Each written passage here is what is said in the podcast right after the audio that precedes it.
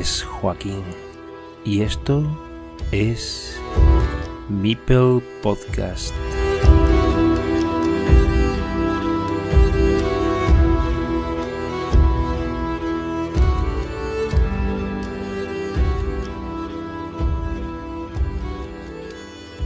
Muy buenas, esto es Mipel Podcast. Atravesamos el séptimo episodio para ofreceros una entrevista exclusiva. El protagonista de hoy es uno de los mejores jugadores de arena, tal vez el mejor exponente del estilo de juego más depurado hasta la fecha entre la comunidad española, uno de los precursores de Carcassonne Spain, punto de encuentro donde por cierto la mayor parte aún no lo ha oído decir una sola palabra, hasta ahora. Muy respetado, sobre todo como jugador, y especialmente en el plano online internacional. Es responsable de la mayor parte del apartado técnico de Carcassonne Spain y un referente de la selección española. Hoy tenemos con nosotros a David Escribano, más conocido como Estroncio, entre los players de Board Game Arena. Bienvenido, David. Hola, buenas. Eh, un placer estar aquí. ¿Qué tal? ¿Qué tal? ¿Qué te cuentas? Pues nada, aquí estoy un poco nervioso a ver qué, preguntas me haces, aunque ya tengo alguna idea, pero bueno. Va, no te preocupes, esto es muy divertido, ya verás como sí. Eh, oye, eso de estroncio, ¿de dónde coño has sacado? Porque claro, me puedo imaginar al conocer tu apellido, tu primer apellido, que lo de es puede ser escribano o español, pero al principio, cuando miraba tu, cuando miraba tu nick, me preguntaba, ¿y por qué no tronchocio o espingorcio? Yo qué sé. No, no, tiene, nada que ver con eso, eh, con mi apellido ni con nada. Realmente estroncio es un, es un elemento de la tabla periódica. O sea, yo me quería poner un nombre así un poco random y tenía una tabla periódica a mano. Y, pues nada, ese cogí, ese estaba libre y ese cogí. Hostia, ahora que lo dice, que te pega, ¿eh? No tiene, o sea, no tiene ningún. Con lo técnico que tú eres y con lo. ¿eh? Y te pega, te pega. La tabla periódica, coño, no se me había ocurrido. Sí, bueno, es que antes estaba estudiando física y tal, y bueno, tenía una tabla periódica ahí a mano. Vale, bueno, esto no estaba en, el guion que yo tenía previsto, pero ¿a qué has estudiado entonces? Me imagino que hay informática, ¿no? Tal vez. Sí, yo soy ingeniero informático, sí. Sí, sí. Lo que pasa es que hace unos años me puse a estudiar física así por un poco de hobby, digamos, y bueno. Sí, normalmente cuando uno tiene algún hobby así y tal, pues estudia física o, química. Sí, bueno, ya, ya, lo dejé porque, bueno, al final con los hijos es un poco jodido estudiar y tal, pero bueno. Bueno, bueno. Pasa, pasa a todo el mundo. David, ya le pregunté a Luis Aparicio en la primera entrevista de este podcast por los integrantes de Carcassonne Spain, pero a, riesgo de repetirme, te quiero preguntar más o menos lo mismo, eh, pero en otro formato. ¿Cómo se gestó inicialmente esta comunidad y cómo y quiénes se fueron incorporando con el paso de las semanas y los meses hasta que se viera configurada la actual cúpula, si se me permite llamarla así, de la organización? Sí, lo de cúpula suena muy... A ver, pues eh, realmente yo creo que el origen de todo esto un poco el mundial de por equipos. O sea, con el tema de la pandemia, los, la gente de Carcassonne.cat eh, se les ocurrió la idea esta de hacer el mundial por equipos. Y entonces, bueno, claro, el primer año, eh, básicamente, para que veas cómo fue la selección del equipo, a mí alguien me contactó por la DGA y me dijo, ¿quieres formar parte de la selección? Y ya está. O sea, el que pasaba por ahí entraba en la selección. Entonces, entonces, claro, al final el método de selección es un poco, un poco malo y por eso, claro, hemos tenido unos resultados eh, pues un poco desastre hasta la fecha como, como selección.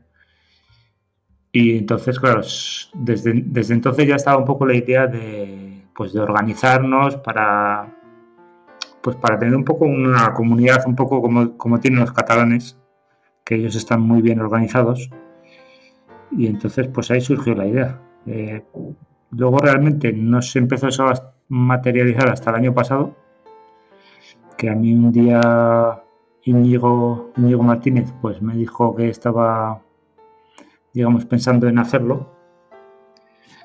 Y nada, y ahí creo un grupo de Telegram con, eh, supongo que con los fundadores se podría decir.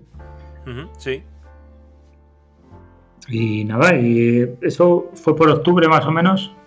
En diciembre fue un poco cuando empezamos a, movernos más.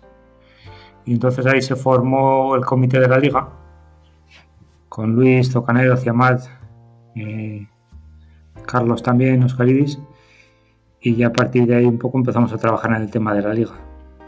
O sea, la fundación de Carcassonne Spain, al menos en como la gestación de una idea, surge primeramente como de Íñigo y te llama a ti, ¿no? Y empieza a aparecer más gente, ¿no? Sí, a ver, no sé exactamente quién tuvo primero la idea, pero digamos quien se puso a formalizarla fue Íñigo. Digamos que empezó a, a, liarnos un poco a los demás ahí con el tema este. Ya nos contó Luis, perdón, perdón, sí. Sí, de hecho un poco también pasa con el tema de la liga, que ya desde, el, yo creo que desde desde el 2020 estaba la idea de, de hacer una liga y tal pero luego, claro, hasta que no apareció Luis, eso no, no empezó a, a, coger forma, digamos. Vamos, Luis fue como un detonante para vosotros, ¿no? Porque pegó un empujón, ¿no? Eh, sí, sí, estaba todo bastante parado realmente y entonces, bueno, pues Luis, la verdad que parece ser que tiene muchas ganas de trabajar y entonces, pues bueno. Bueno, lo mismo se podría decir de mí. ¿eh? Sí, sí, la verdad que te has pegado un curro importante. Al, final yo creo que Luis y yo somos los que más nos hemos eh, embarrado, quizás se podría decir.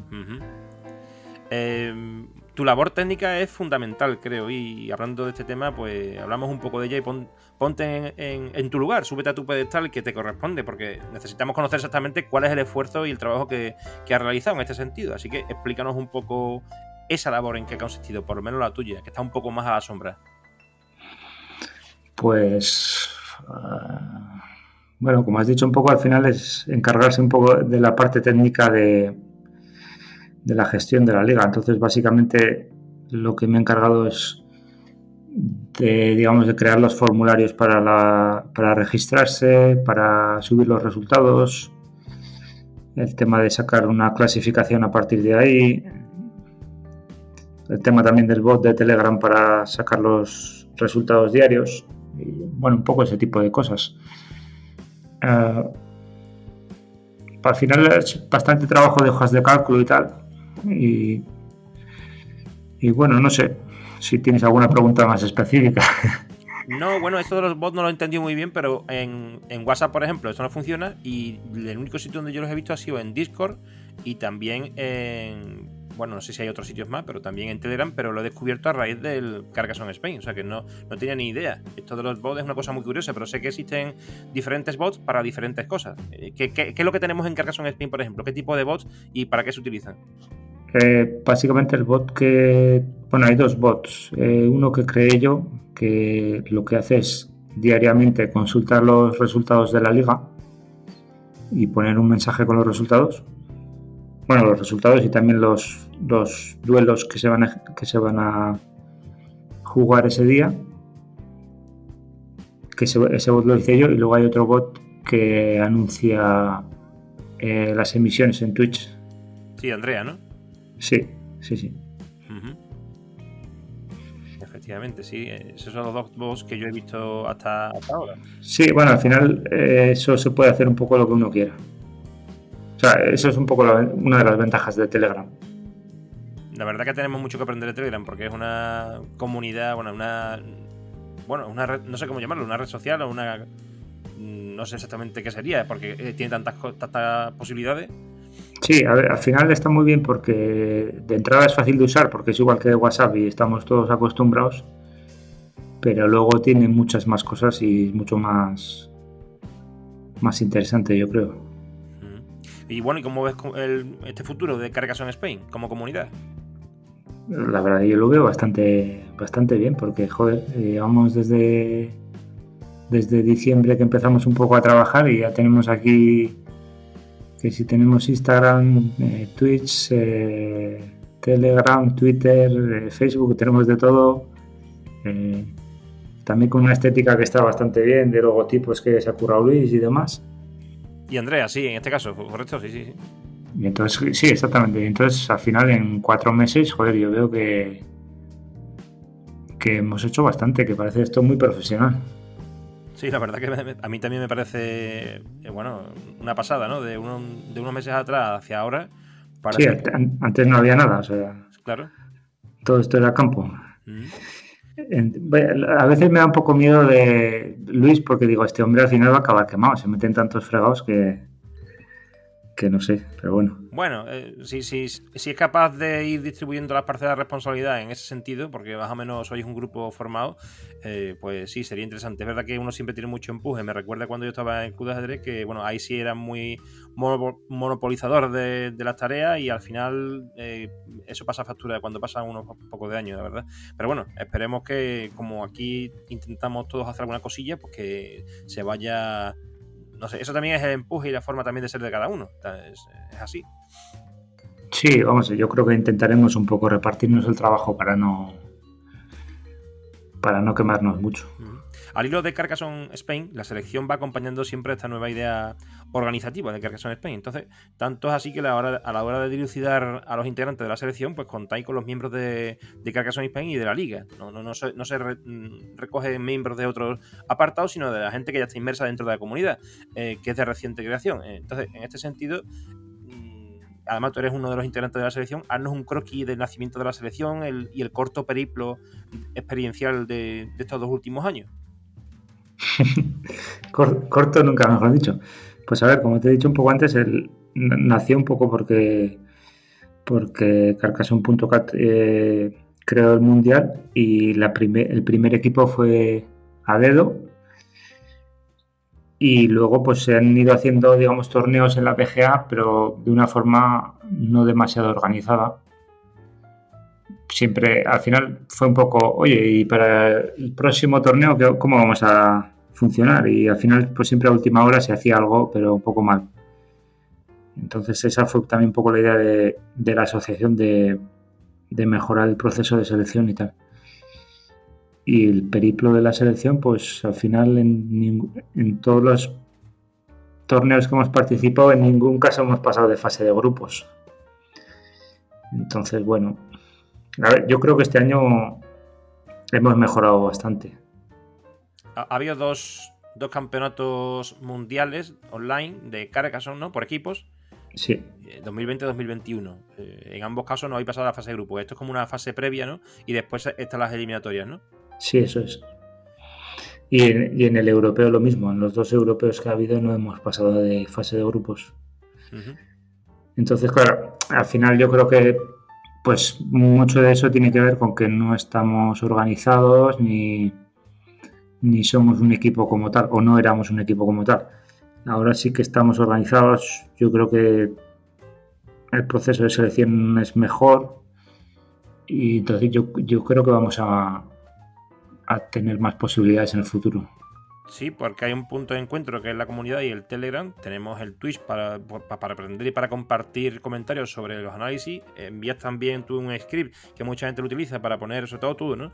Para poner una posición, un análisis de una posición determinada y la gente pues eh, construye, porque al fin y al cabo todos participan de su idea y eh, bajo su criterio pues exponen una solución y me parece muy interesante porque al final todo esto eh, repercute en la mejora de cada uno de nosotros a la hora de de afrontar una partida o de afrontar una, un análisis o una posición determinada en, Carcassonne.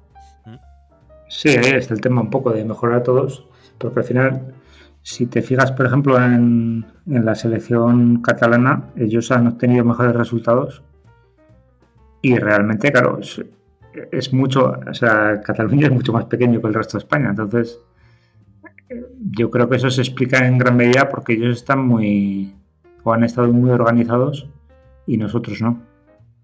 Sí, la verdad que eso es así. Llevan mucho tiempo también dedicados a...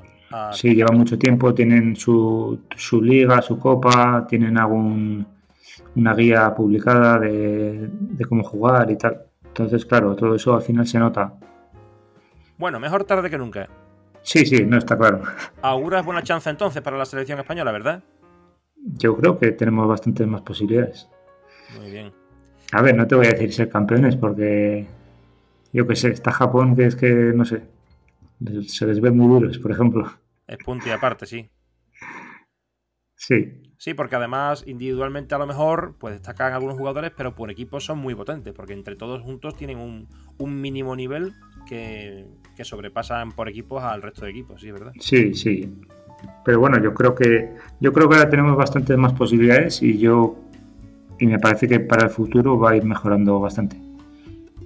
¿Cuál ha sido el equipo tal vez más correoso desde tu punto de vista? En el plano de selecciones y teniendo en cuenta entrenamientos, partidos amistosos, oficiales, etcétera. Buah, pues no lo sé, no sabría decirte. De los que habéis jugado últimamente, por ejemplo, el que más. Eh, Brasil, tal vez, el que más. Eh, El más correoso, el más difícil, no por, por individualidad, sino por equipo, que, que se vea que. No sé, pre- pregunto. No, no sabría decirte. Brasil sí que es cierto que están muy organizados. Y entonces, claro, eso hace también que tengan un buen equipo. Eh, pero bueno, al final nos ganaron 3-2. Y, o sea, yo creo que, que, no jugamos nada mal. Hace- seguramente hace dos años nos hubiesen metido un 5-0. O sea, que vamos ahí. Sí, además, creo que a la, la última partida en la que se decidió ese, ese envite fue con Ciamat, con Víctor, ¿no? Que ade- además eh, quedaba una última partida porque estaba empatado con Geta Ruda y, quedaba. Y fueron por unos simples puntos por la contabilización de las losetas últimas que quedaban y la decisión de Gerard Ruda, del, del brasileño, en este caso, de una, en una posición bueno pues determinante, elegir una, pieza y no otra, y la colocación de un MIPRI y no en un, en un momento determinado y no en otro, para llevarse los puntos que le dieron la victoria. O sea que estaba todo muy, muy empatado. Sí, sí, vamos, y de hecho en, el- en contra Brasil yo perdí y si no recuerdo mal, una de las partidas al final se decidió en un 50% también. O sea, era cuestión de, de quién le tocaba una loseta y bueno, le salió a él y, y ya está. Oye, ¿y esa derrota con Mick Crack cómo fue? Ahora que lo pienso. Eh, pues no lo sé, a ver, yo creo que al final en la Liga Élite eh, no te puedes descuidar. Eh, y vamos, no sé, yo estuve un poco repasando mis partidas y tampoco vi que jugase que jugase mal, o sea, que no sé. Pues bueno, a, veces pierdes. Eh, Bueno, fueron No. dos. sí, perdidos, claro. Es que el bueno del duelo de la liga son tres partidas. sangre ahí, eh. Eh, no, no, claro, es que lo que me llama la atención no es que esto no se pierda una partida con cualquier persona, que ojo, que también es un buen jugador. Lo que quiero decir es que, claro, eh, te pasas por el foro a todo el mundo y de repente pierdes con Mick Crack, pero no se trata de una partida, porque el duelo es 3 a 3, o sea que has perdido dos. Eh, Sí, a, a ver. eh,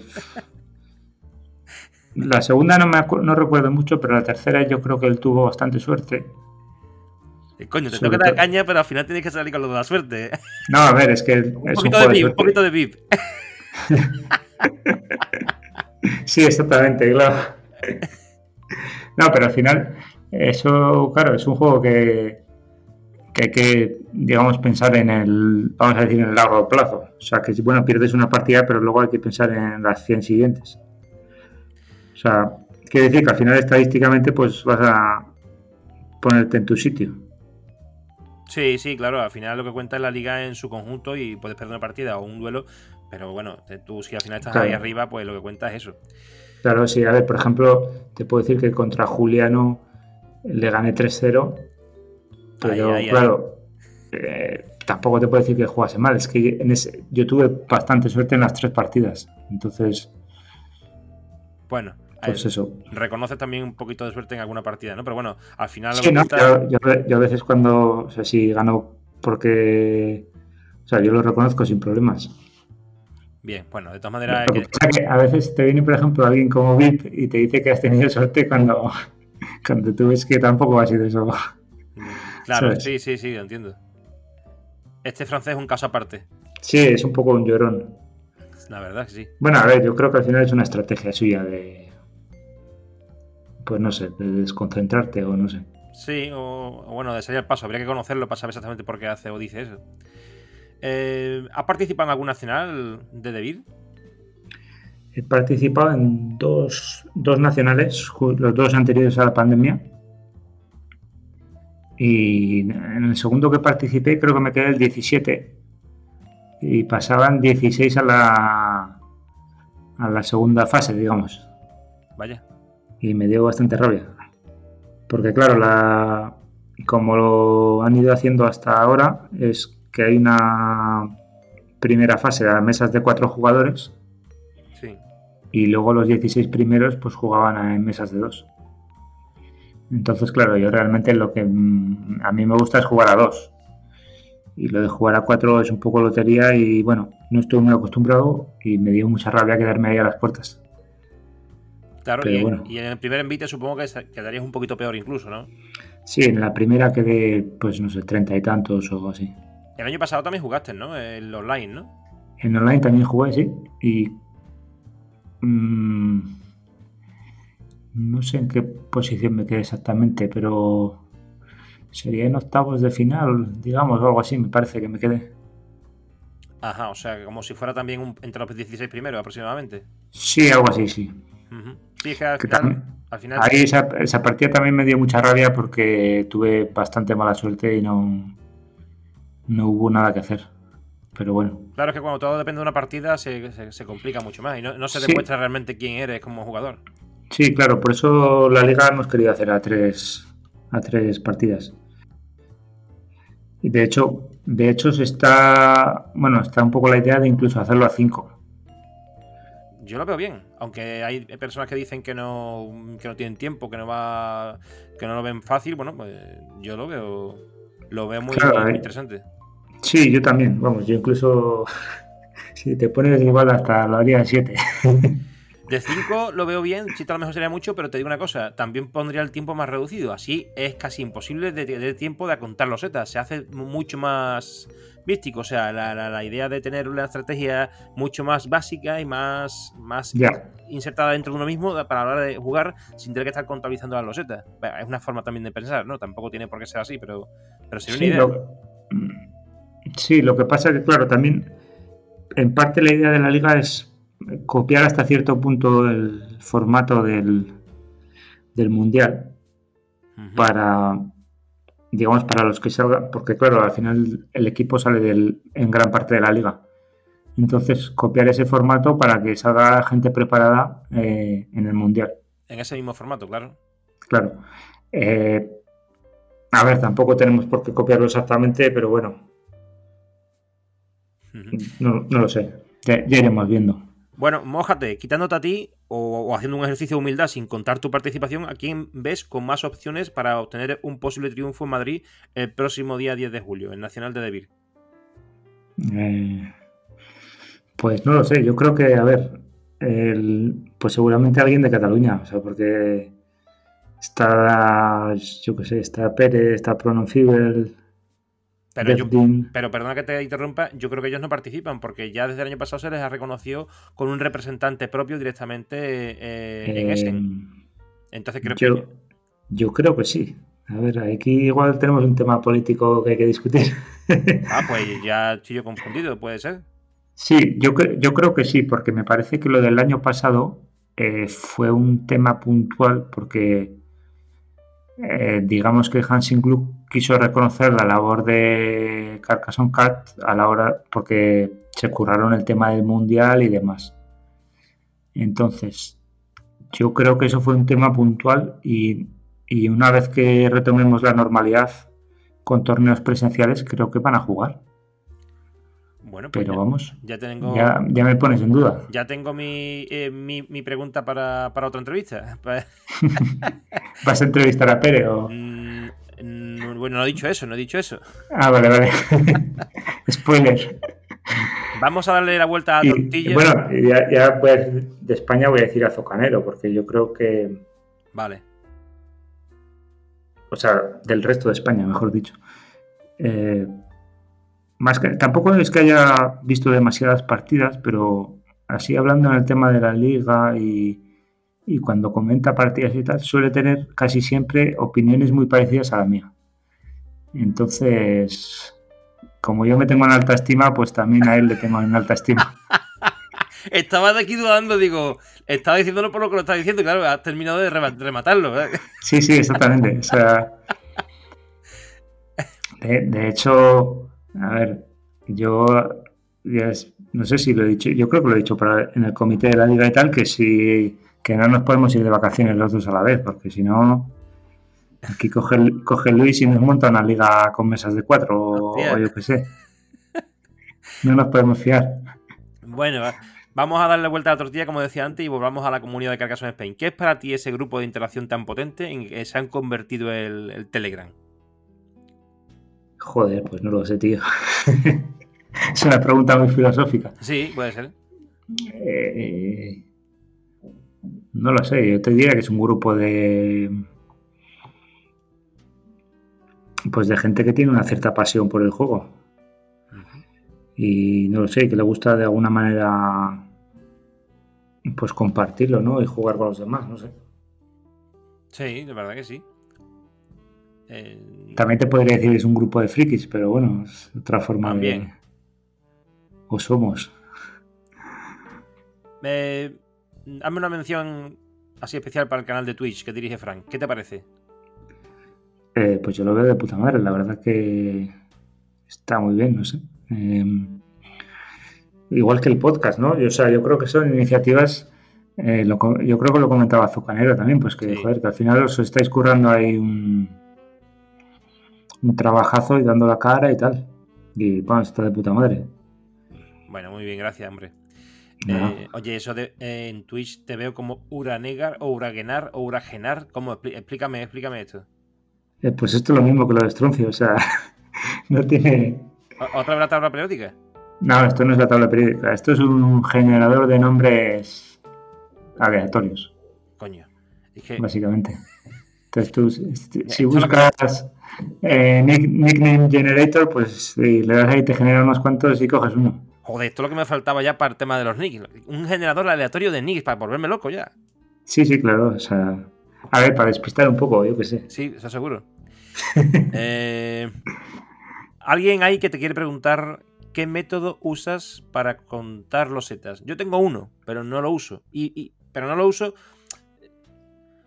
a ver, yo lo he inventado, lo he creado, o lo he ideado, o se me ha ocurrido para las más complicadas, o al menos para las que me resultan a mí más difícil de visualizar o analizar en el paisaje del tablero, porque cuando están todas las losetas conectadas, a veces no percibes cuál es una y cuál es otra, o cuando, cuando estás buscando una en concreto, como por ejemplo las dagas, ¿no?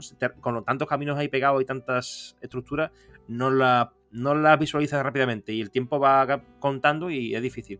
Entonces, yo tengo una idea, pero no la uso, ya la pondré un día eh, ¿Tú cómo lo haces? Joder, pues ya me gustaría tener un método, pero realmente soy muy malo contando. O sea, lo que pasa es que hago mucho esfuerzo. Entonces, eh, a ver, yo creo que en la BGA hay un tema bastante importante, sobre todo en las partidas simples, que es que el tiempo va con incrementos. Entonces, claro, de nada te sirve jugar rápido los 30 primeros turnos y luego que al final eh, no tienes tiempo para contar. Entonces yo lo que suelo hacer relativamente a menudo es pararme y contar, porque así aprovechas esos incrementos. Sí, o por lo menos crearte de una forma abstracta cuáles son eh, los modelos de, mm, de piezas o de rosetas que han salido más para tener un cálculo medianamente lógico. Por ejemplo, los mazacotes, que son 7, pues te haces un pensamiento ahí, bueno, han salido 4 o 5, ya sé que me quedan muy pocos. Entonces, si te, si te sale esa posibilidad de, tener que meter un mazacote, ya sabes que vas a tener pocas probabilidades. Eh, sería esa la idea, ¿no? Sí, sí, sí. A ver, luego pues, intento de alguna a veces, digamos que tengo dos, dos formas de contar. Una es ser sistemático es decir, igual me paro un poco y empiezo a contar por orden, vamos a decir. O sea, primero cuento rectas, luego curvas, luego cruces, luego tapas y tal. Y otra forma es contar lo que realmente me interesa. Pues por tal y como está la situación del juego y demás, lo que te hace falta.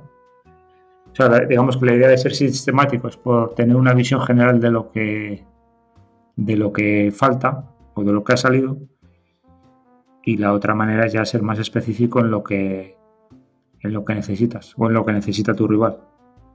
Claro, como cuando se va a crear un hueco, por ejemplo, que sabes que no sabes si se va a poder completar y, ahí analizas expresamente la loseta, cuántas han salido de ese modelo en concreto y eso sería ser más analista. Y el sistemático es más o menos lo que hemos comentado antes, ¿no? O sea, visualizar, oye, los mazacotes han salido casi todos, no he contabilizado cuántos, pero esto ya aquí se complica si necesito un mazacote.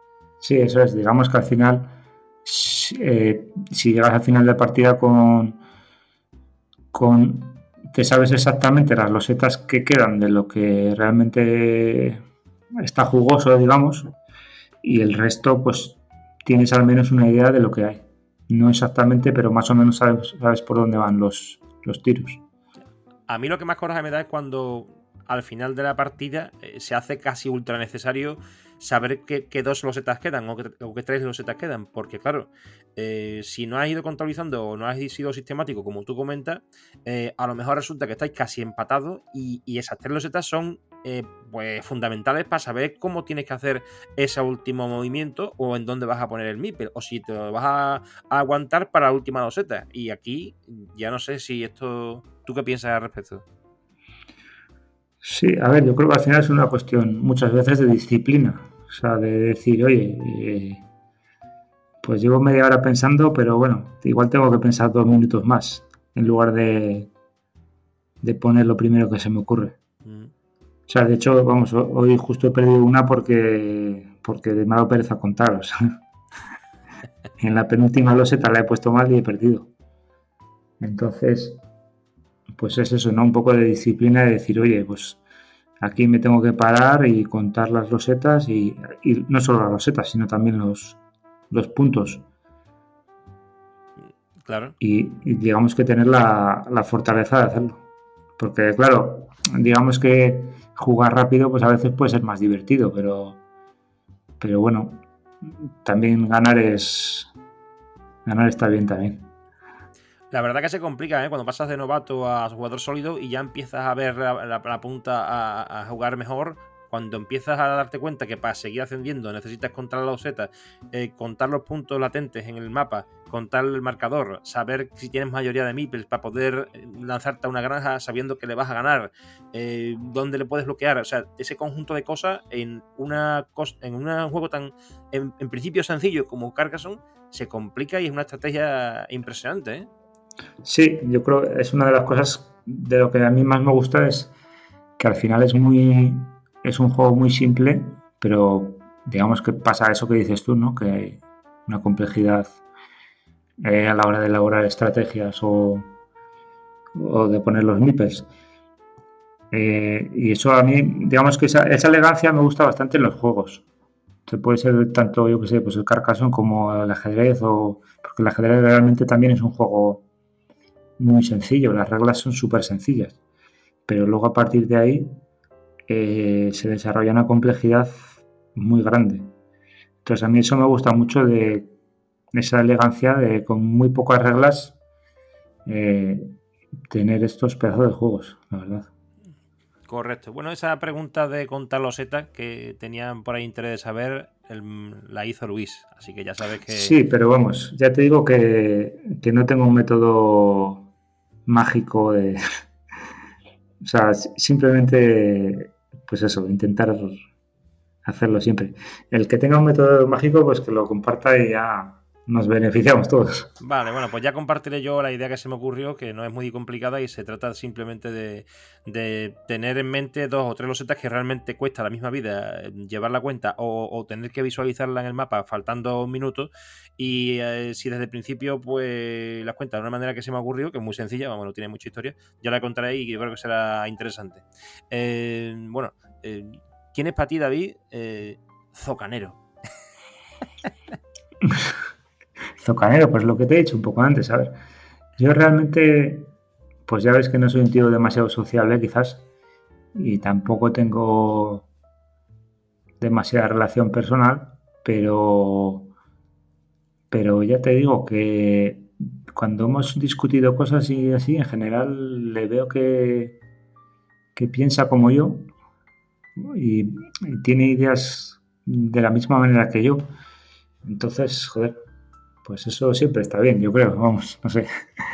Eh, o sea, quiero decir, por ejemplo, en el tema de, las reglas de la liga que hemos discutido bastante y tal, pues casi siempre teníamos opiniones eh, muy coincidentes.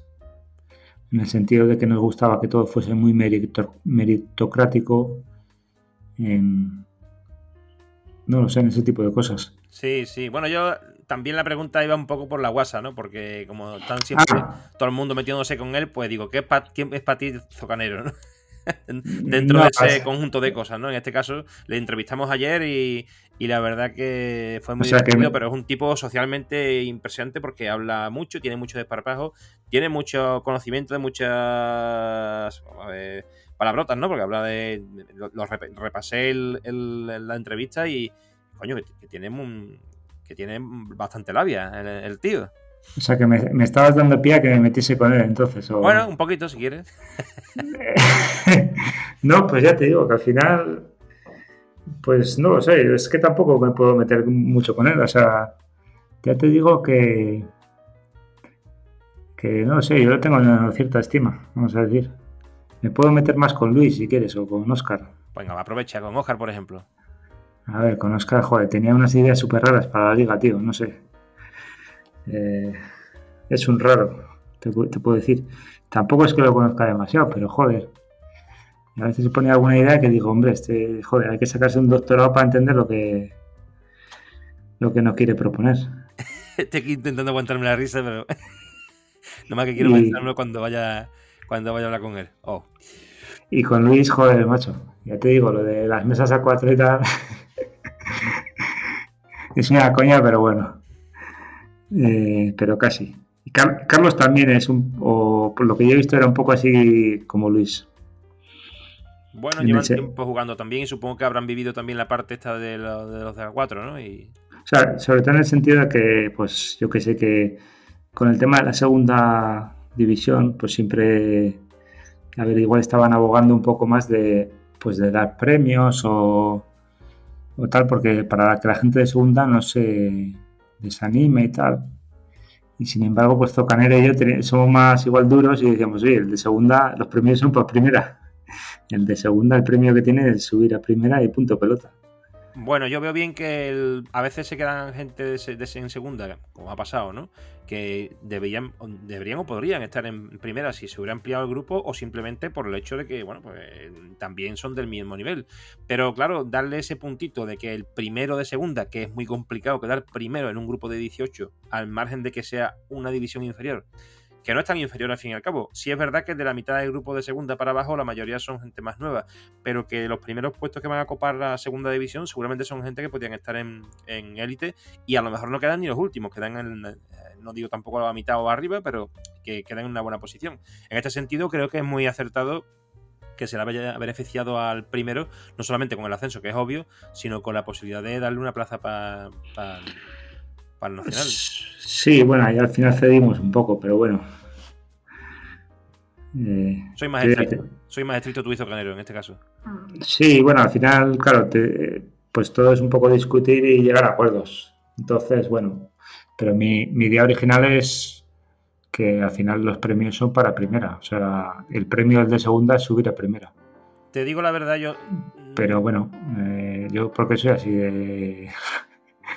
Sé, cabrón, no sé. No, no, no, tu opinión es un criterio válido igualmente, pero yo creo que tengo perspectiva como la de Luis de, gestión, no quiere decir que los demás no la tengan, sino que veo más allá de las posiciones de los jugadores que, son referentes, sino que veo en el, ámbito de, de la comunidad, de la democratización, vamos a llamarlo así, en ese sentido hay cosas que también hay que extenderlas, en ese sentido pues veo que, es muy acertado, a la margen de que evidentemente existe un criterio también obvio de, que haya que premiar a, los mejores, pero yo siempre en torneos que he creado he dado premios incluso generalizados o premios a distintos tipos de, aptitudes o actitudes en el, en el torneo, porque siempre hay que premiar no solamente el hecho de que de que seas el primero o el segundo o que quedes en una posición tal o ganes X partidas, sino también la predisposición a participar, a ayudar, a, ir siempre a todos los torneos, en fin, eso me pasa a mí en el club de ajedrez. Y incluso yo he metido en el... he abogado por personas en, el, en la dirección del, del club que no tienen mucha claridad a la hora de, de trabajar como directivo y tal, pero han sido personas que han puesto su vehículo, eh, van los primeros para montar los tableros, eh, se animan muchísimo a ellos mismos y a la gente, entonces son gente que infunden alegría y animan y miman al, resto, y entonces eso se necesita también a la hora de gestionar. En este apartado, aunque estoy monopolizando un poquito la conversación yo ahora, pero la entrevista, aunque es tuya, lo quería hacer hincapié en esto porque es muy interesante, oye, de verdad quiero que resaltarlo, que la idea de extender eh, a la comunidad eh, eh, no, ya los premios, sino el reconocimiento de muchas cosas, ¿no? Pues no debe centrarse solamente en los primeros jugadores y es mi criterio, mi forma de pensar y creo que ahí sí le doy un poquito más la razón a, Luis. Pero bueno, habéis hecho muy, muy buen trabajo. Y... Sí, a ver, yo creo que al final ha quedado bastante bien. O sea, hemos llegado a acuerdos y ya está. Sí. Bueno, y hablando de Zocanero, que te lo mencionaba antes, bueno, quería hacerte una pregunta que es de él en realidad. Y la pregunta de Zocanero es: ¿estudias más que juegas o viceversa? Pues. A ver, debería estudiar más que jugar, pero últimamente juego más que estudio. Y ese, claro, ese es el problema. Y por eso estoy donde estoy y no estoy donde estaba hace año y medio. Entonces, bueno. Claro, eh, últimamente estoy, intentando estudiar más y analizar más porque quiero volver a, a, llegar arriba. Y yo creo que es muy, muy importante estudiar partidas y demás. De hecho, me preguntaba cómo lo haces. ¿Cómo haces para estar arriba, supongo? Porque mantenerte ahí colgado de una rama de los primeros puestos es muy complicado. Sí, pero bueno, ahora tampoco estoy demasiado arriba. O sea, bueno, todo es relativo. Bueno, Arena acaba de comenzar. al final de los compases últimos de la temporada anterior ya estabas arriba y cuando marcaste la posición que tenía. Sí, a ver. Tampoco hay ningún secreto, pues eso, jugar, analizar. Sí que intento últimamente, sobre todo, analizar cada partida que pierdo, intentar analizarla y ver qué, por qué he perdido y tal. Y ya te digo, por ejemplo, hoy he perdido una la penúltima loseta por pereza, básicamente. Y entonces, pues bueno, eh, yo creo que es sobre todo disciplina, ya te digo, y, y analizar, porque es que, claro, es muy mucho más fácil y más divertido darle al botón de volver a jugar que no analizar la partida que analizar la partida, claro, porque que analizar la partida es ver lo tonto que eres, o sea, tú ves la, cómo la has cagado en... Y eso, claro, pues a veces no es divertido, pero bueno. Hay momentos de la partida muy interesantes que cuando eh, es un punto de inflexión, eso se te queda grabado y cuando sucede algo parecido en otra partida, eh, te acuerdas perfectamente y eso te sirve para mejorar. Sí, sí, sí, claro. Sí, sí. A ver, también pienso que a veces hay que tener cuidado con el overfitting no sé si otro término nuevo. ¿Overfitting? Overfitting, sí. ¿Overfitting qué sería? Ah, pues, a ver, es un, overfitting es un término de. Yo creo que se usa en temas de redes neuronales y tal. Y básicamente es que tú te adaptas excesivamente a un patrón. Es decir, que como tú ves que eso ha funcionado o no ha funcionado, aplicas exactamente lo mismo independientemente de si eso realmente es bueno o no. No sé si me explico. Es un poco complicado. Sí, y, en colación, eh, en relación. Es decir, que, igual, igual has hecho una jugada que no te ha salido y luego en la siguiente partida no la vuelves a hacer, pero a lo mejor sí que la tenías que hacer, porque igual es que tenías un 75% de probabilidades de que te saliese, pero bueno, por lo que sea no te salió, pero claro, tienes que ver que realmente era mejor hacerlo que no hacerlo. Esto pasa, perdona, cuando uno empieza, por ejemplo, hablando de los juegos de mesa o de cualquier cosa, pasa mucho más en el póker. Cuando uno ya sabe las reglas básicas, empieza a jugar sin realmente aprender bien cómo se juega y mm, coge unas manías de juego, que son esos patrones de los que hablas, y supongo que la gente juega ya de una manera prevista eh, los jugadores buenos ya luego se dan cuenta y siempre lo machacan, porque esa, esa, persona ya no puede, tiene que reaprender, eso es un problema. Entonces, claro, jugar es bueno, al mismo tiempo supongo que es bueno también aprender y así confluyen ambas cosas en mejorar el, sistema de, o el estilo de juego de cada uno. Pero si, si aprendes mal, vamos a decirlo así, o, tú juegas de una manera que la tienes ya interiorizada, en ese sentido, lo que hace es perjudicarte a ti mismo porque después no eres capaz de, aprender realmente cómo se, cómo se hacen las cosas. Mejor interiorizar sobre los análisis, sobre las cosas que se, se, ven, que se han hecho mal e intentar modificar esa, esos patrones como tú comentas para generar una nueva un nuevo patrón diferente de, estilo de juego, que ya sea, aunque sea interiorizado y automatizado, pero que sea mejor que el que utilizabas antes. Sí, sí, sí. Para eso yo creo que es muy importante revisar partidas de otros, de otros jugadores. Sobre todo de los, de los mejores jugadores, vamos a decir. Te pregunta Alfonso cómo conociste Carcassonne y cuándo empezaste a jugar. ¿Y, y cuántas temporadas has acabado por encima de los 1800? Pero bueno, si quieres. Mm, Eh, A ver, ¿Cómo conociste Carcassonne y cuándo empezaste a jugar? a ver, a mí me regalaron el juego, pues hará. No lo sé, a lo mejor seis años o algo así, no lo sé. Y luego, claro, realmente empezar a jugar en serio, pues fue cuando descubrí la BGA y entonces ya empecé a jugar un poco más en serio. Porque claro, es que en mesa al final pues siempre juegas con la misma gente y, y, y, claro, no puedes mejorar, es muy difícil. No avanzas, claro. Es como, yo que sé, si tú juegas a fútbol con tus amigos, igual te crees que eres Cristiano Ronaldo, pero luego vas a un torneo y te meten una paliza, ¿no? Pues, Sí, básicamente lo mismo. mismo. pues lo mismo. Entonces, claro, cuando descubrí un poco la VGA es cuando empecé a, a, a jugar en serio. Y por encima de los 1800, pues no sabría decirte. A ver, he quedado dos veces en el top 20 y una en el top 10. O sea que es por lo menos tres. Y no sé si alguna más, no lo sé.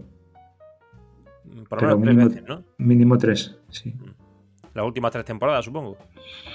Eh, no, las dos últimas y luego la otra. mm, No sé si hubo una o dos que, que jugué mal o no sé. Vamos, de las Pero- últimas cuatro que has jugado, las Sí, pero de las últimas cuatro o cinco, sí. Mm. Porque de hecho las, en las cuatro primeras creo que no jugué en la arena. Y igual empecé a jugar a partir de cinco o así, de la quinta. A ver, una pregunta de todos los que te van a, oír es saber quién es el hueso español bajo tu punto de vista y el hueso a nivel internacional. Eh, joder. A ver, no lo sé. Eh, Depende de. A ver, aquí hay que ver cómo definimos español, pero. si bueno, vamos a a- decir el hueso Carcassonne Spain, por ejemplo, en este caso. Y Ah, vale. centrámonos en la comunidad y, y a después el resto de, de- de público de la BGA, el resto de jugadores. Joder, pues claro.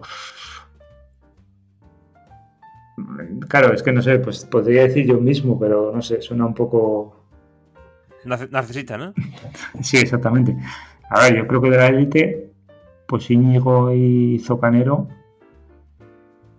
eh, están ahí. Pues de hecho son los que están ahí primeros también. Y bueno, es que al final es lo que se ve un poco en la liga, yo creo. Carqui- Carquiñolis, por ejemplo, en segunda, pues digamos que es el hueso ahí duro. Sí, dímelo a mí, sí. Sí, sí, sí. O sea, claro, te preguntaba lo de español porque estaba pensando en Defdin, que yo creo que es de los españoles, entre comillas, que más tiempo lleva ahí en el top. O sea, yo siempre lo veo, suelo ver por ahí. Que se escribe Def Dean, ¿no? Sí, Sí, digo sí. entre comillas porque, claro, el tío es francés, pero bueno, lleva muchos años en Cataluña y tal. Y creo que suele jugar aquí en el Nacional de España y tal. Ajá, eso complica un poquito la- el tema del nacional, que haya gente de fuera que está jugando desde aquí.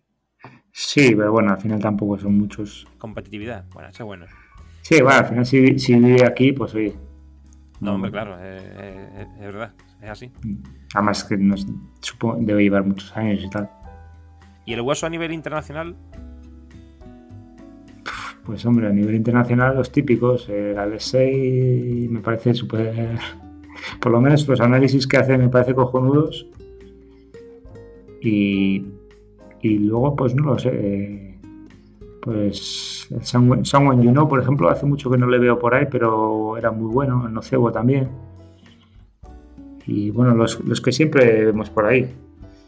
Últimamente estoy analizando también, por ejemplo, una partida de Rabbit Rabbit Rain de japonés. Sí.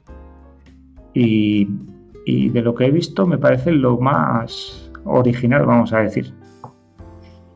Porque tiene una manera de jugar muy, muy curiosa. Creativa. Sí, sí, sí. O sea, yo me veo partidos de otros, de Alexei o de Nocebo o tal. Y al final, pues bueno, eh, más o menos veo lo que, lo que hacen y coincido con ellos. Pero con Rabbit Ruin hace cosas que a mí me parecen súper raras. Y, y bueno, el tío está ahí, o sea que están bien hechas. Algo hace bien. Sí, eh, tipo Alexei, estilo de juego más analista y sistemático y eh, Rabbit Rain más creativo. Sí, por ejemplo, el, estilo de juego del 6 yo creo que cuadra bastante con el mío. Pero ya te digo, Rabbit Rain me parece súper original. He de entender que esos jugadores son los que a ti te causan más respeto. ¿O dirías que una cosa es que sean buenos jugando y otra que causen respeto a la hora de jugar? A ver, respeto realmente no, es que, bueno, no sé. No es que tenga ahí tampoco temor de ningún jugador ni nada, simplemente que están ahí. O sea, que tú los ves que siempre juegan, juegan bien. O casi siempre. ¿Te gusta más el juego físico o por software? Y de estos últimos, dos de software, el de BGA, el de Asmodi para Steam o Android, el de J Zone para PC o el de versión web de Breastspiel. A ver, eh, en físico es que casi no juego. O sea, casi a veces juego con mi hijo que es como, bueno, te da dolor de cabeza porque, claro, se inventa las reglas o, o gana él porque lo dice él y ya está. Entonces, bueno. Así que, bueno, eh, yo juego en la BGA y es lo que más me gusta realmente. Sobre todo el tema, claro, porque puedes revisar las partidas y tal. Y eso al final, pues, pues le da un, punto interesante, ¿no? Claro, yo creo que echo de menos dentro del poco tiempo que llevo conociendo Carcassonne y después de haber pasado por la Wikipedia y leerme todas las expansiones, igual que pienso que Azocanero, que aunque ya evidentemente David Cobo ya ha dejado atrás un poco las expansiones, pero seguramente tendrá su parte ahí romántica, eh, y por supuesto estoy seguro que Héctor Madrona de Mipel Drone también, porque eh, bueno, está traduciendo todo este material del inglés, Mm, echo de menos que en realidad en BGA no estén todas implementadas, es muy complicado también, evidentemente, que eso se haga, todas las expansiones, quiero decir, sería también una complicación para la pantalla porque es muy difícil aunar todas las piezas, tendría que tener una pantalla enorme, pero por ejemplo J Cloister Zone las aúna todas si no me equivoco. Y es un puntazo porque quien le gusta las expansiones ya no para competir, sino para divertirse, esto no lo hay en ningún sitio. Lo que pasa es que no, yo por lo menos no he, me he metido muy de lleno en J Cloister Zone, pero sí sé que tiene todas las posibilidades de todas las expansiones, hasta las mini expansiones. Hasta las mini expansiones. Sí, a ver, yo lo que pasa es que no juego con expansiones, entonces, bueno, no me. No me. No me causa ningún problema que no tenga todas. Y luego, claro, la aplicación de J Zone yo creo que es interesante, pero claro, al final la abeja es muy fácil de usar y eso al final lo que hace es que haya más jugadores y tal. Entonces, donde más gente hay, pues, pues tienes más posibilidades de encontrar a los mejores y, y más facilidades de aprender, yo creo. Sí, la verdad que sí, porque pienso que seguramente la BGA es lo que tú dices, que es más sencillo y aúna a todos los jugadores y se coma a todas las demás, aunque son las otras son plataformas también válidas para echar un rato, pero evidentemente donde confluye toda la toda la bueno, el nivel de jugadores y demás está en la BGA, sí. Sí, o sea, al final la BGA se, se le puede criticar muchas cosas, pero está muy bien. Entonces, bueno, bueno, antes de finalizar con las preguntas cortas, quisiera que añadieras algo que te importa o que pienses que debes comentar antes de cerrar el capítulo de tu entrevista. Algo que no te haya preguntado y debiera haber hecho o algo que creas que puede resultar de interés al resto de la comunidad. Eh, pues no hemos, hablado de lo del tema del script. Vale. Eh, no sé si quieres hablar del tema o. Venga, por ejemplo, el de las losetas que la gente tanto comenta de contar, el counting, ¿no? Sí, bueno, estaba pensando en ese script, claro, que es lo que Sí, porque era una de las preguntas que yo tenía pensado hacer eh, incluso a Luis, pero al final no la hice. Como ese tema ha quedado pasado ya hace tiempo en el Telegram, no le di más importancia, pero la realidad es que es un tema que está ahí. Sí, sí, sí. A ver, eh, yo realmente. Eh, no sé, la gente le da demasiada importancia, me parece, lo de que puede haber gente usando, haciendo trampas con scripts de conteo de los setas y tal yo creo que, que se le da demasiada importancia porque al final, bueno, pues no sé, es un juego y tampoco, yo qué sé, pues si te hacen trampas, pues oye, es que tampoco puedes evitarlo, quiero decir. Y menos en el entorno online, claro, que eso es más complicado. Sí, exactamente. Entonces, claro, yo si algo no lo puedo evitar, pues tampoco me le doy demasiadas vueltas.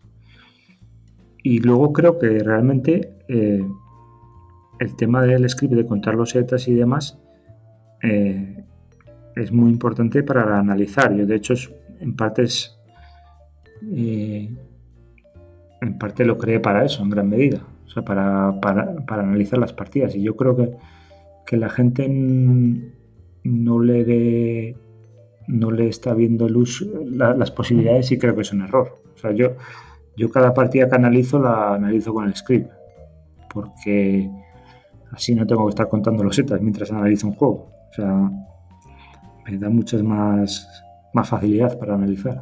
Pero ese script del que hablas, ¿lo hiciste tú o hay otros rolando por ahí a modo de Creative Commons? no, es el que, es el que hice, es el que hice yo. Vaya, o sea que. hay otros. Sí, sí. Hay otros, pero que yo conozca, ninguno de ellos es público. Se sabe que hay otros porque, bueno, eh, pues porque se, se ha detectado, digamos. Sí, sí, sí, sí. Y, y, eso, al final, parte de la idea mía era un poco hacer como los módulos de análisis de ajedrez y tal, porque eso te, claro, te ayuda mucho a la hora de, de mejorar. Eh, me queda un poco a medio camino, pero bueno, algún día igual pues intento mejorarlo y tal. Mira, yo... Pero, vamos, ya te digo, yo creo que tiene muchas posibilidades y más que verlo como algo negativo y estar pensando en que si te hacen trampa o te dejan de hacer trampas o tal, pues yo creo que hay que aprovecharlo y usarlo para mejorar tu juego y ya está. Sí, yo la verdad que sería una locura lo que te voy a decir, pero bueno, no te lo voy a pedir ni, ni, ni mucho menos, pero sería muy interesante que llegara a formar parte del, equipo de desarrolladores de BGA porque mm, podrías introducir la idea o a ver, suspirar un poco a ver si, si te echan cuenta de que en el, en BGA se introdujera la posibilidad de echar hacia adelante una partida o hacia atrás, y, o sea, y modularla y además poder establecer una posición dada que tú quieras explicar, enseñar a través de Twitch, de canales de YouTube, etcétera, con una, con una eh, eh, imagen en la que estén las losetas por un lado y se puedan seleccionar y colocarlas en la posición que quieras para dar eh, a explicar una posición determinada. No que ahora tienes que coger las partidas que existen o que tú conoces tuyas o de otras personas, coger posiciones determinadas en determinado momento para poder explicar eh, o analizar una posición concreta, cuando en realidad para explicar algo en concreto, para enseñarle a alguien, podrías coger las losetas que están a un lado, se cogen, se desplazan y se colocan en el tablero para explicar esa posición. Eso en ajedrez existe, es un orden aleatorio que tú colocas las piezas y explicas esa posición. Eso sería súper interesante dentro de la BGA para poder explicar y para poder desarrollar análisis de, posiciones. Sí, claro, eso es una de las cosas que yo eh, creo que tendría que mejorar la hora de el, tema de revisar las partidas. Que está muy bien que las puedas revisar, pero claro, no tienes herramientas más que ir para adelante. Entonces eso yo creo que lo debería mejorar. También es una opción de lo que, o sea, es una idea que tengo yo de hacer eh, como parte de mi script, pero bueno, pues al final, pues yo qué sé. Eh, algún día lo, intentaré hacerlo, pero bueno. Te, pediré, poco. te pediré consejo y te intentaré ayudar si puedo, porque yo también estudié desarrollo de aplicaciones informáticas, evidentemente no en la carrera, pero eh, lo dejé atrás, no, me he desarrollado más tiempo, pero sí que tengo capacidad de trabajo respecto de eso y pues, lo que pasa es que me faltan nociones y ahí a ver si pudiéramos a, esfuerzo. De hecho, si, mira, lo que comentas de las ideas y tal, de pues lo de poner una posición determinada y tal, si me quieres crear un ticket en GitHub, pues ahí, ahí lo tengo y pues no prometo nada, pero bueno, algún día igual lo, puedo mirar. A ver, parte del tema de, que de que no le hago no lo toco mucho ahora es porque claro como tampoco veo que tenga mucho uso aparte de que yo mismo lo uso entonces, pues tampoco al final me he preocupado mucho. O sea, quiere decir, porque al final se ha visto más como algo negativo de que si haces trampas, de que si no sé qué, como, que como algo útil. Entonces, claro, eso también te quita un poco las ganas de ponerte a trabajar en ello. Es que esto también es un debate, lo del script, por ejemplo, pero claro, el tema que te comentaba yo era para poner un tablero vacío, por ejemplo, de ajedrez, y colocar las cuatro sí, sí, te entiendo, para explicar Claro, el tema del script, por ejemplo, yo el debate que yo comenté en su momento en Telegram era lo siguiente. al margen de que es muy interesante también saber contar las losetas y tener esa capacidad de memoria o, o analítica o, tener un recurso mnemotécnico para recordar determinadas losetas como se me ha ocurrido a mí y ya lo explicaré en su momento, que tampoco es nada de otro mundo, pero bueno, eh, si todo el mundo tuviera esa opción, todo se rebaja a la, a la, a la estrategia que para mí es lo más interesante de Carcassonne y se está obviando muchas veces la estrategia. La estrategia eh, entendida como eh, colocación de oposición de losetas determinadas en un, en, un, turno, teniendo en cuenta lo que va a surgir en, a continuación y, sobre la táctica que ya se puede también establecer, ¿no? El ataque, la defensa, eh, la mayoría de meeples, etcétera, que también lo hablo mucho en el libro, que me falta mucho por terminar, pero, pero básicamente sería eso. O sea, para mí lo importante es la táctica y sobre todo la, la estrategia. Entonces, claro, contar losetas es un hándicap, pero para todo el mundo. Pero si todo el mundo tiene esa posibilidad, lo mismo es jugar sin, sin, contar los setes que jugar eh, contándolas. Evidentemente hay, habrá algo más a favor para quienes sepan realmente cuáles son las que quedan si no se está contabilizando, pero no habrá nada a favor de nadie si todo el mundo sabe cuáles son las que quedan. Entonces, claro, ese era el, debate un poco de que yo proponía. Sí, a ver, lo que pasa es que, claro, al final, eh, digamos que si tienes que contar las losetas, claro, eso te quita un poco de parte de cerebro para, hacer estrategia, vamos a decir. O sea, quiere decir, porque alguien puede pensar más en la estrategia y dedicar menos a contar y otra persona puede contar más y dedicarse menos a la estrategia, vamos a decir. No sé si me explico. Sí, eh, pero mm, por donde voy es por el tema de que eh, tú comentabas que te pareces más en el tema analítico y sistemático de Annexei, por ejemplo, ¿no? Eh, y yo a lo que voy es dedicar un poco más de tiempo no al conto de los setas, sino todo, el mundo tuviera esa posibilidad, sino algo así como lo que tú has comentado de Rabbit Rain, o sea, ser más creativo pensando en lo que, en lo que va a venir después, en la misma guía introductoria de Carcassonne Cat y ese tipo de juego que tenía Pindertron. al final me refiero a esto, a la creatividad y a la capacidad y a la habilidad de saber colocar a los setas en el momento determinado, justo y preciso, y los meeples, por supuesto, eh, que no tanto en cuántas losetas quedan y para analizar exactamente, porque eso en ajedrez se llama ajedrez posicional. Y el, lo que a mí me gusta, por ejemplo, en ajedrez es el ajedrez eh, combinatorio y el sacrificio. Eh, este es lo que, de lo que yo hablo. Sí, a ver, por eso, sí, por eso que dices es por lo que a mí me gusta revisar las partidas con el script, porque al final puedes dedicarte a centrarte más en otros aspectos que no en lo puramente mecánico. Entonces, bueno. Mm. Eh, bueno, tenía una pregunta que era qué cambiarías en la plataforma VGA, pero más o menos lo hemos, lo hemos comentado. Además, a diferencia de la mayoría que hablan del reloj de, del reloj de tiempo, sí, eso también. Otra cosa. eso también lo cambiaría, sí. Mm. A ver, yo creo, yo creo que hay un problema que tiene la VGA, que es que eh, no sé si no tiene gente o no sé, un tema de gestión, porque por lo del tiempo lo ha pedido todo el mundo, yo creo que, que un millón de veces y de alguna manera no lo no les ha llegado o no lo hacen, no lo sé. Pero bueno, ellos sabrán. Te voy a poner una situación divertida. A ver cómo sales de ella. Resulta que estás enfrente de tu ordenador te llaman al mismo tiempo al teléfono móvil, este es Luis, y al mismo tiempo a la puerta de tu casa. Te levantas a la vez que llevas el móvil encima, pero no descuelgas inmediatamente porque de forma insistente continúan llamando a la puerta. Pero has perdido un poco el norte. Estaba jugando contra Alexei una partida de arena y se está fraguando una muy buena partida tuya. No digo que sea decisiva, pero sí tiene todas las de ganar. Así que como el móvil deja de sonar y al ver por la mirilla de la puerta que detrás se encuentra Zocanero, haces el amago de abrir, pero de repente oyes un sonido que te recorre toda la médula espinal. No te lo puedes ni creer porque Alexei no hace esas cosas, pero sabes que se siente perdido y ese sonido es inconfundible. Ha pulsado la opción de expulsar al jugador, ya que has entrado en barrena de tiempo. De repente te gira dando la espalda a la puerta y vuelves a entonarse, se vuelve a entonar la melodía de tu móvil. Otra vez Luis. Y Zocanero empieza a porrear la puerta de tu casa. ¿Qué pasa aquí exactamente? ¿Qué harías? Hombre, pues me cagaría un poco en todo. bueno, imagina que me de Zocanero es Oscar y eh, puede ser cualquiera. No, a ver, eh, me cagaría en todo igualmente, o sea. Yo creo que lo único que le abro la puerta es el repartidor que me trae algo de algo que he pedido. Al cartero, al cartero, bien, bien. Sí, sí, exactamente. A ver, igual también te digo que igual ni oigo la puerta porque yo a veces juego con unos cascos de hora, muchas veces, y con la puerta cerrada. Y entonces, bueno. La puerta ni la escucharía, ¿no?